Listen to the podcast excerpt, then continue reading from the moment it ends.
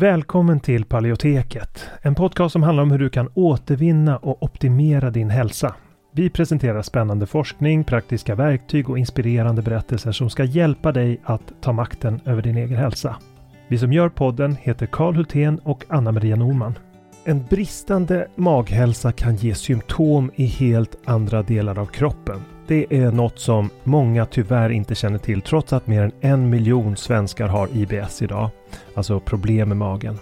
Och tyvärr är magproblem i de flesta fall inkörsporten till annan ohälsa. Det kan vara inflammation, diffusa symptom, allergier eller autoimmun sjukdom. Och för att möta den här trenden av växande behov så har vi utvecklat kursen Maghälsa på djupet. Där vi går på djupet med att vända dålig maghälsa som SIBO och IBS. Och det här är viktiga delar av kursen som vi talar om och den senaste forskningen på de områdena. Och vi djupdyker i vad forskningen säger om de senaste naturliga terapiformerna, kostmetoder, kosttillskott, probiotika och så vidare. Och kursen den kickar igång fredagen den 3 maj och har fyra olika faser och tre frågestunder live. Och dessutom har vi olika resurser och guider att ladda ner från kursplattformen. Så du kommer få lära dig allt om hur du kan använda kosten som en väg till läkning, när, var och hur, hur du kan använda olika kosttillskott och probiotika. Och om du redan är medlem i Hälsodetektiverna så får du som vanligt en rabatt på allt vi gör, så även den här kursen. Och den här kursen tror vi är en perfekt väg för dig mot en bättre maghälsa där du inte bara får lära dig ett metodiskt tillvägagångssätt för att minska dina symptom utan också förstå de underliggande orsakerna. För att läsa mer om kursen och anmäla dig till den går in på paleoteket.se och klickar på utbildning. Eller klicka dig vidare från länkarna i podcastbeskrivningen. Så varmt välkommen till Maghälsa på djupet. Vi ses där när kursen startar, den 3 maj. Innan vi kör igång med dagens tema vill jag påminna om att den här podcasten har ett utbildande syfte och inte utgör medicinsk rådgivning. Nu kör vi!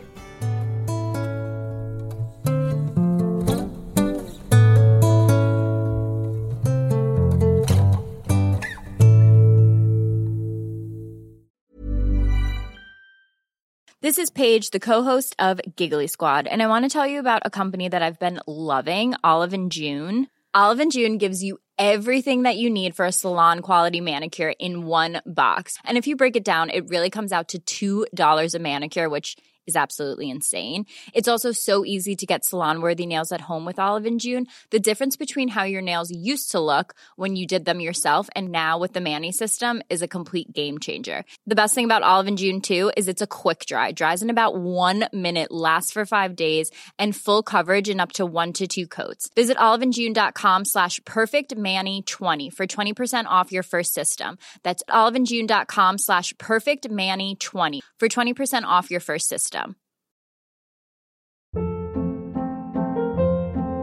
Hold up. What was that? Boring. No flavor. That was as bad as those leftovers you ate all week. Kiki Palmer here, and it's time to say hello to something fresh and guilt-free. Hello Fresh. Jazz up dinner with pecan-crusted chicken or garlic butter shrimp scampi. Now that's music to my mouth. Hello Fresh. Let's get this dinner party started. Discover all the delicious possibilities at hellofresh.com. I'm Sandra, and I'm just the professional your small business was looking for. But you didn't hire me because you didn't use LinkedIn jobs. LinkedIn has professionals you can't find anywhere else, including those who aren't actively looking for a new job but might be open to the perfect role, like me.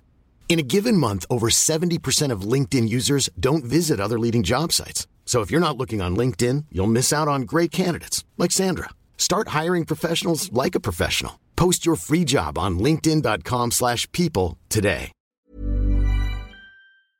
I dagens avsnitt så ska vi prata om blodprover för att testa överkänsligheter eller intoleranser och hur vi ser på det.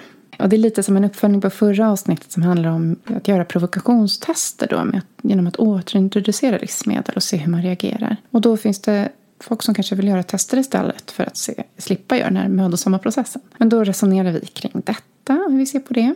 Eh, några avsnitt som är bra att lyssna på innan är då bland annat förra avsnittet, nummer 23, om att återintroducera livsmedel och också avsnitt 8 som handlar om tarmhälsa och läckande tarm.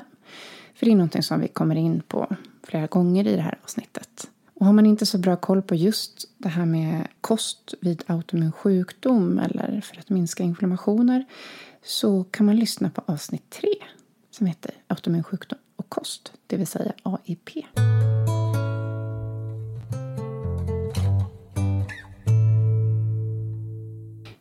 Hallå, hej! Hej! Hej! Idag ska vi faktiskt ta en lyssnarfråga, Mm. har vi tänkt.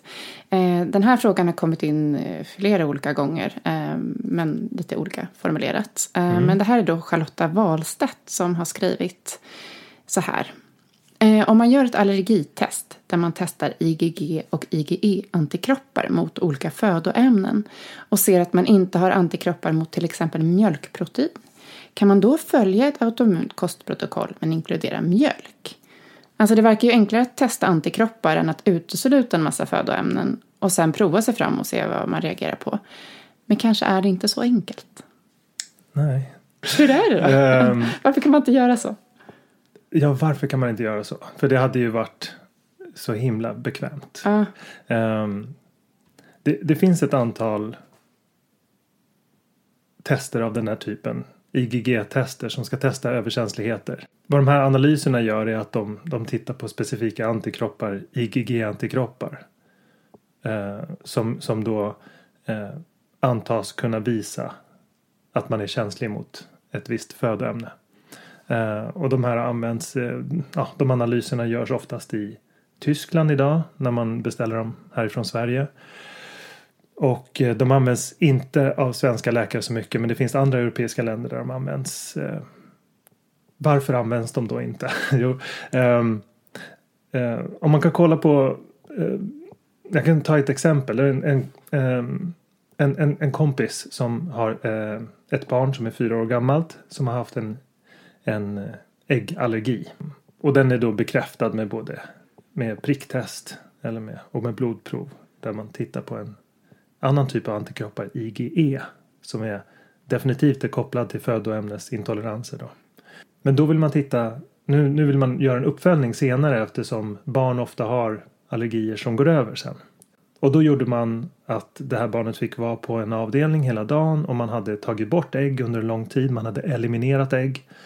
Och sen så gjorde man provokationer med väldigt, väldigt små mängder varje halvtimme eh, under liksom hela dagen fick de vara där och testa det.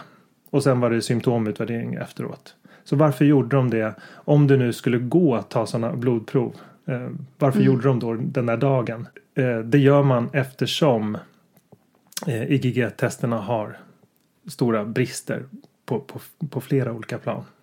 Och, eh, ja. Och, IG, och IgE, liksom allergin, den hade läkt ut. Så allergin kan man ju testa på det sättet om man har en riktig Mm. allergi. Men överkänslighet är någonting annat som man mäter då IgG-antikroppar. Och det var Ja. det som man inte ville göra test för utan man ville göra eh, det här provokationstestet istället. Ja, man kan, alltså det finns både överkänsligheter och allergier. Alltså termen överkänslighet eh, bör nog användas när man kan hitta symptom vid exponering för ett livsmedel som är liksom större, eh, som, som är eh, markant skillnad eh, mot vad en normal person upplever. Alltså eh, det finns Eh, om man ska ta det absolut från början så kan man väl dela in reaktioner mot mat i två delar. Eh, dels normala reaktioner så på, på saker som eh, är biologiskt aktiva i maten.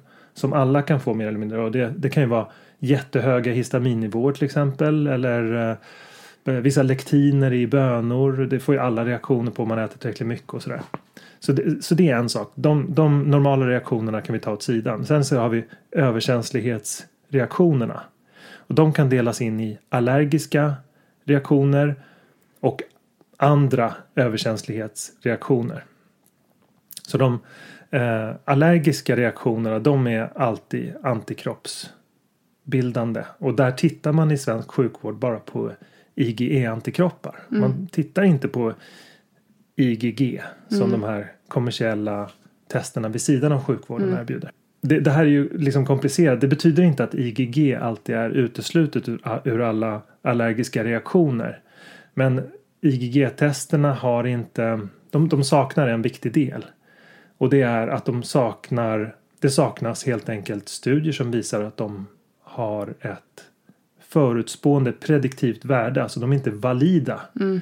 Det är två delar när man kollar på de test som man använder. Man använder dels en, när man gör de här IgG-testerna så använder man en metod som kallas för ELISA. Mm.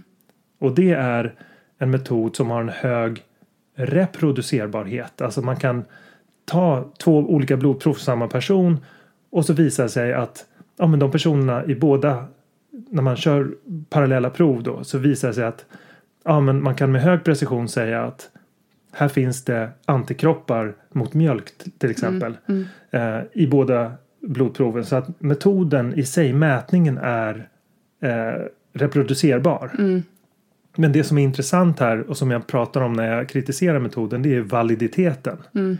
För det saknas helt enkelt kliniska studier som visar att de har ett prediktivt värde när det gäller eh, att kunna förutspå symptom. Mm. Det. Och det är det som gör att eh, vi, eh, som, jag menar, eh, ja, men om man kollar över hela världen, vi, vi som arbetar med det autoimmuna protokollet jobbar ju mycket med överkänsligheter. Mm. Eh, och några av våra internationella kollegor är Sarah Ballantyne, Chris Kresser, eh, Dr. Michael Ruscio. Eh, och Mm. ingen av dem använder eh, IgG-tester för att kunna ersätta provokationstester. Nej, precis. Men IgG-testerna kan kanske säga någonting annat än att förutspå Ja. överkänsligheter. Så de är inte helt irrelevanta. Mm, Men nej. de kan tala om någonting annat än vad de säger att de talar om. Eller? Ja, de har flera, de har faktiskt flera olika värden. Ja.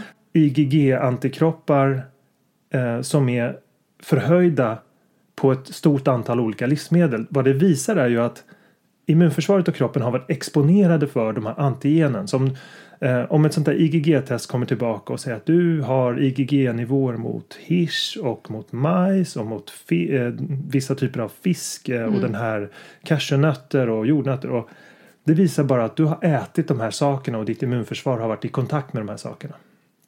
Men det finns en tydlig skillnad. Ja, men till exempel när, när jag då personligen skickade in mitt blodprov på, eh, på IgG-mätning så kom ju det tillbaka med nästan, ja, jag hade inte förhöjda nivåer av IgG mot nästan någonting i mina Mm, Kanske egna. fem, sex saker som citron. Ja, det var citron och sen var det, det var ehm, eh, cashewnötter, jordnötter.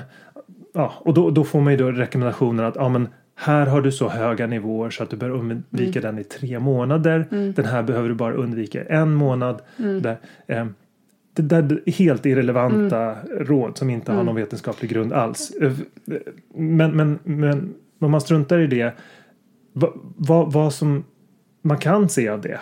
Det är ju att jag har inte kanske dels inte ätit några av de kritiska livsmedel. För jag har ju konstaterade överkänsligheter både mejeriprodukter och gluten som inte dök upp på IgG-testen. Jag har inte ätit dem på länge. Så Nej, då kan man ha låga IgG-nivåer av den anledningen. Men framförallt så visar låga IgG-nivåer mot födoämnen generellt visar att man har ganska bra eh, gräns i sin tarmslemhinna. Man har inte det här läckande tarm. Man har inte haft det under lång tid i alla fall. Så det är väl det enda man kan säga att det är som en fördröjd indikator på att man inte har haft läckande tarm speciellt mycket. Ja, men så då har det ju ett värde på något sätt testet utifrån det. Så att om, om, en, om en läkare då ger eh, det här testet så, så visar det liksom okej det här finns massa saker du är överkänslig mot. Du kanske borde tänka lite på vad du äter. Eller?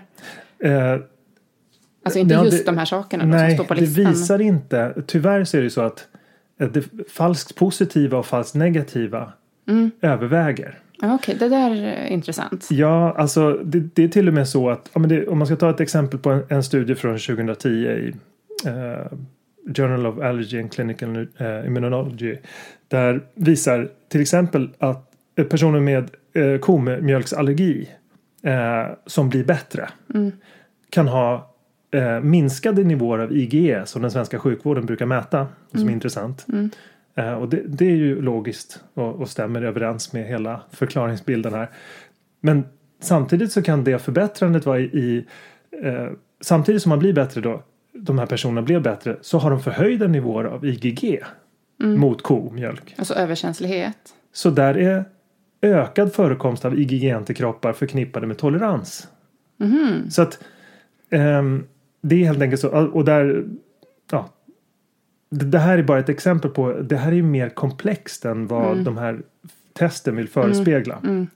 Att det är helt enkelt inte så enkelt att man kan säga att IgG-antikroppar förutspår en reaktion utan det kan lika väl vara så att, de, att ökade IgG-antikroppar förutspår tolerans. Alltså IgG ehm, bildas mot någonting som har varit exponerad mot men det är också så att man kan ha till exempel personer som är kraftigt allergiska med IgE-reaktioner kan ju få exponeringsterapi, alltså att man eh, inducerad eh, hyposensibilisering kallas det. Alltså man får injektioner med ett antigen under långa tidsperioder för att slippa olika pollenallergier till exempel. Men det Och görs ju då, då kontrollerat får med man förhöjda IgG-nivåer trots att symptomen sjunker. Mm, precis.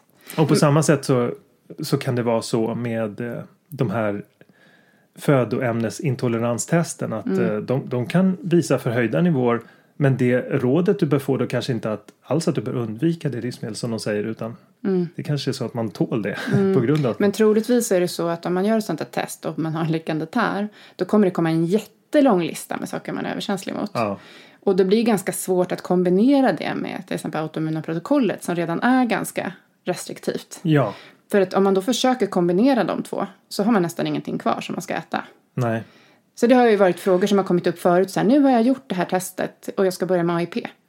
ja. Mm, Kan jag försöka hi- hitta en kombination sådär? Och det, men då det är rekommenderar liksom, du nej, men man det. kan inte, man kan inte rekommendera eh, att IgG-antikroppar eh, används överhuvudtaget som någonting prediktivt när det gäller vad man bör äta eller inte äta.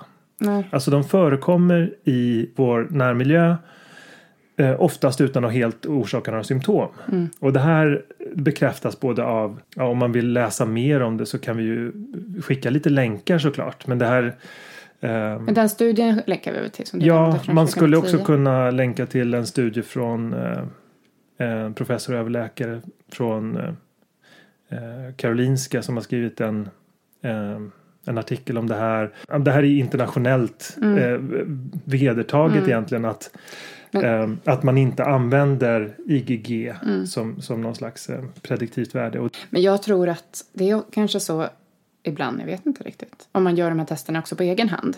För man får ju någon typ av läkarutlåtande. Mm. Jag tänker att när folk som har mejlat oss har ju inte så ofta nämnt så här, jag har gjort det med min läkare. Liksom. Utan då, jag tänker att om man gör det själv så får man någon typ av utlåtande så tror man att man ska använda rekommendationerna som står. ja, man får ju till och med det- recept. Ja, men- och, ja. Ja.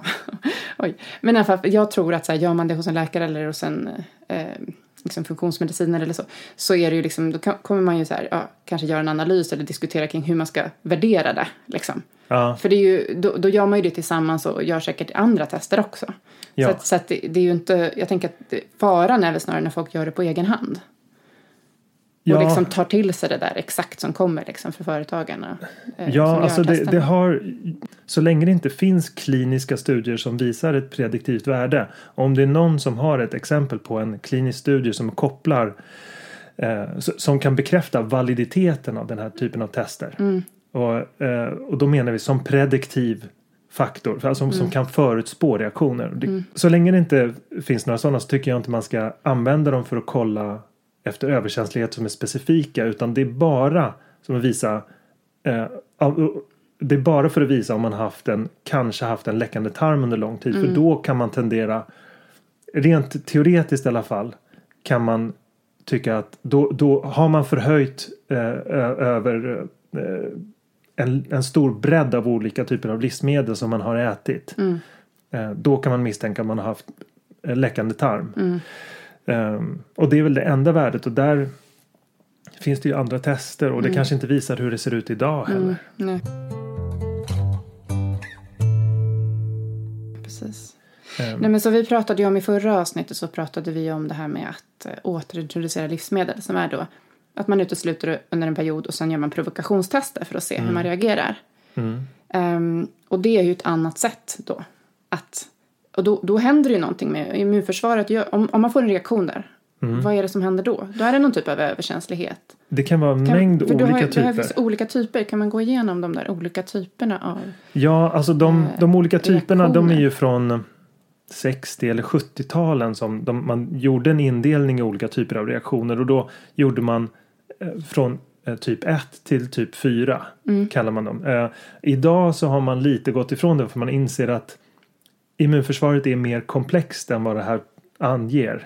Och det är så att olika delar av immunförsvaret samverkar i, i överkänslighetsattacker. Det kan både så att cellmedierade, alltså vita blodkroppar kan vara involverade i överkänsligheter samtidigt som antikroppar och komplementfaktorer, alltså olika nivåer av både väldigt specifika avancerade delar av immunförsvaret och väldigt ospecifika generella gamla delar av immunförsvaret om man förenklar lite kan vara involverade. Men i alla fall de här typ 1 till typ 4 då brukar man säga att typ 1 allergi eh, är då allergier som är IgE antikroppsmedierade.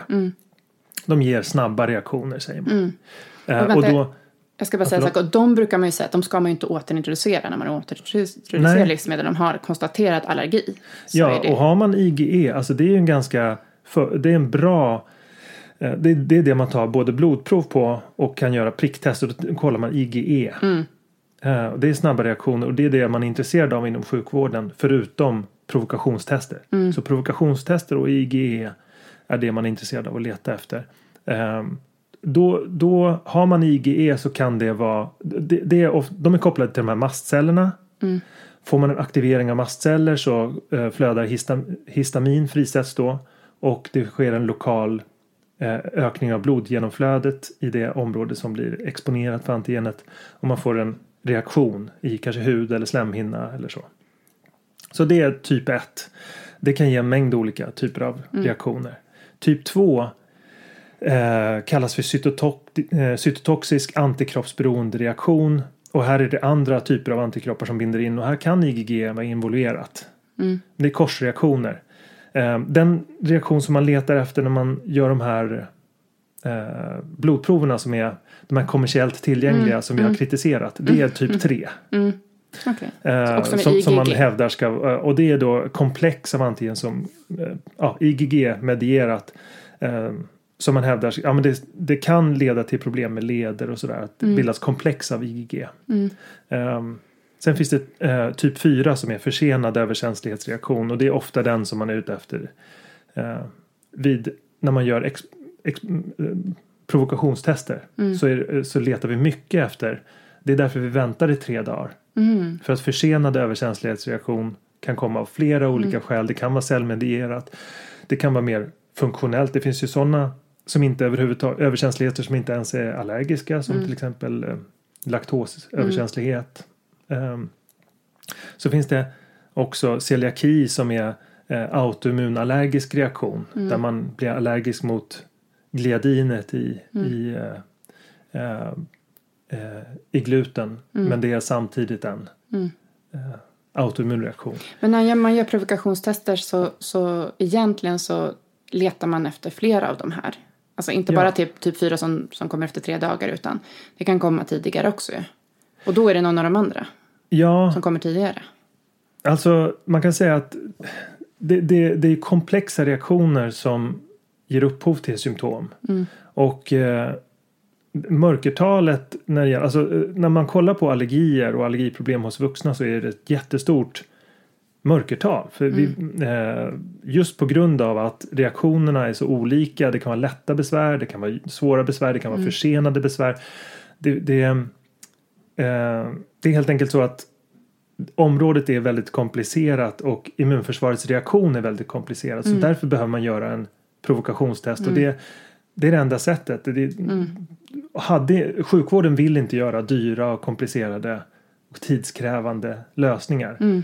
Och hade det varit enkelt att göra på något annat sätt så hade inte sjukvården använt eh, eliminering och provokationstest som man gör idag. Nej. Och det är det som vi använder. Det är det som är den gyllene standarden för, att, för att få fram överkänsligheter. Mm. Vad är gyllene standard?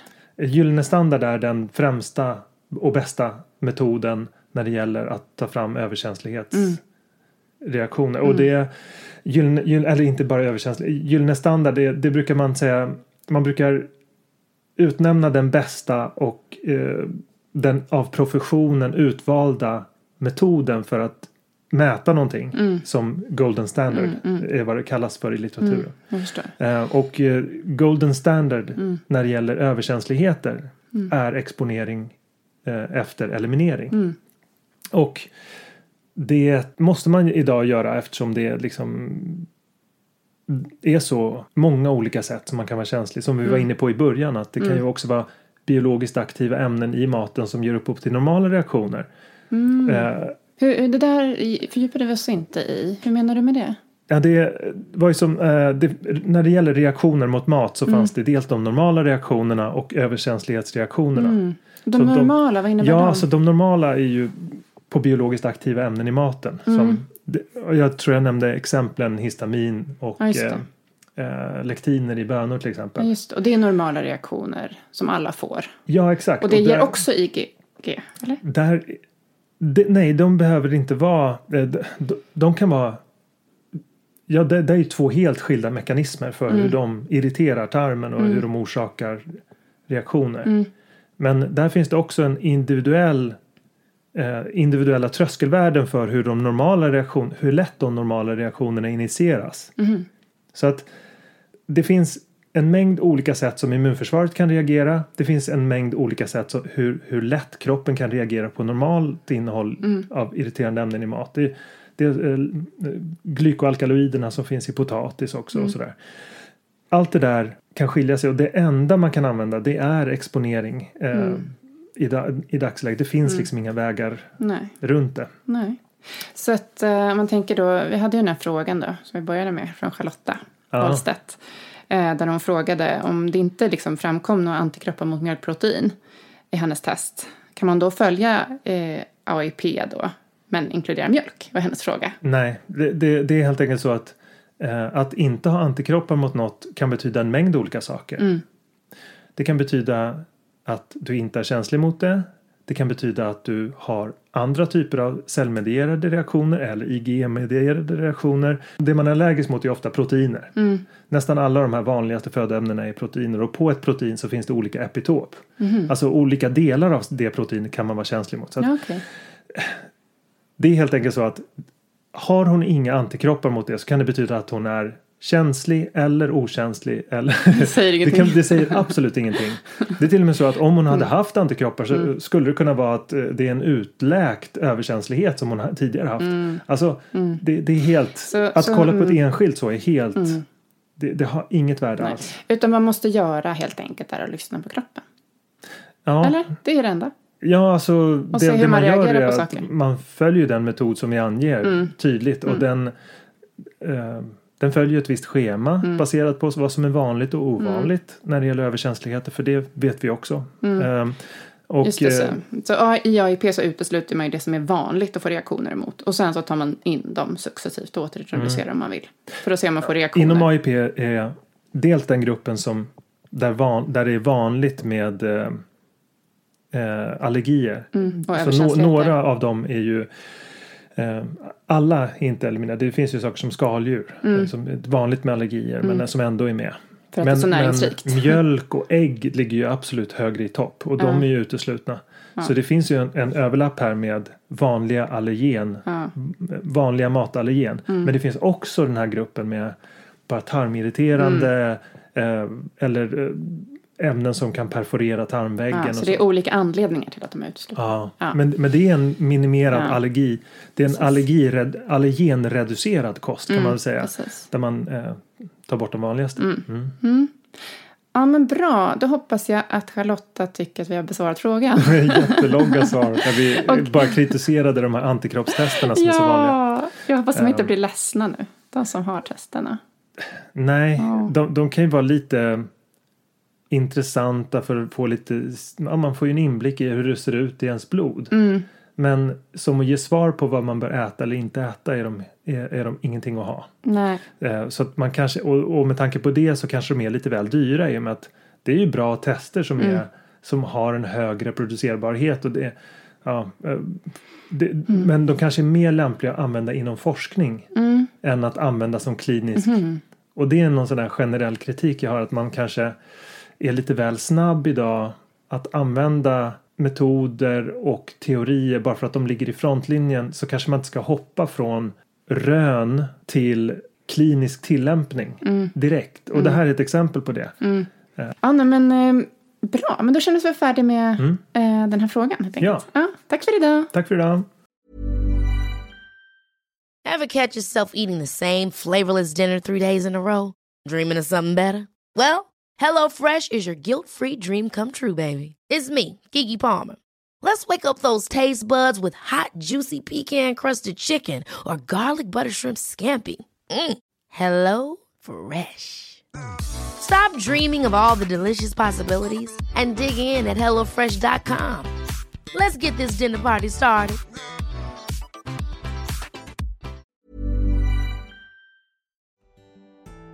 Tack så mycket för att du har lyssnat på det här avsnittet av Paleoteket.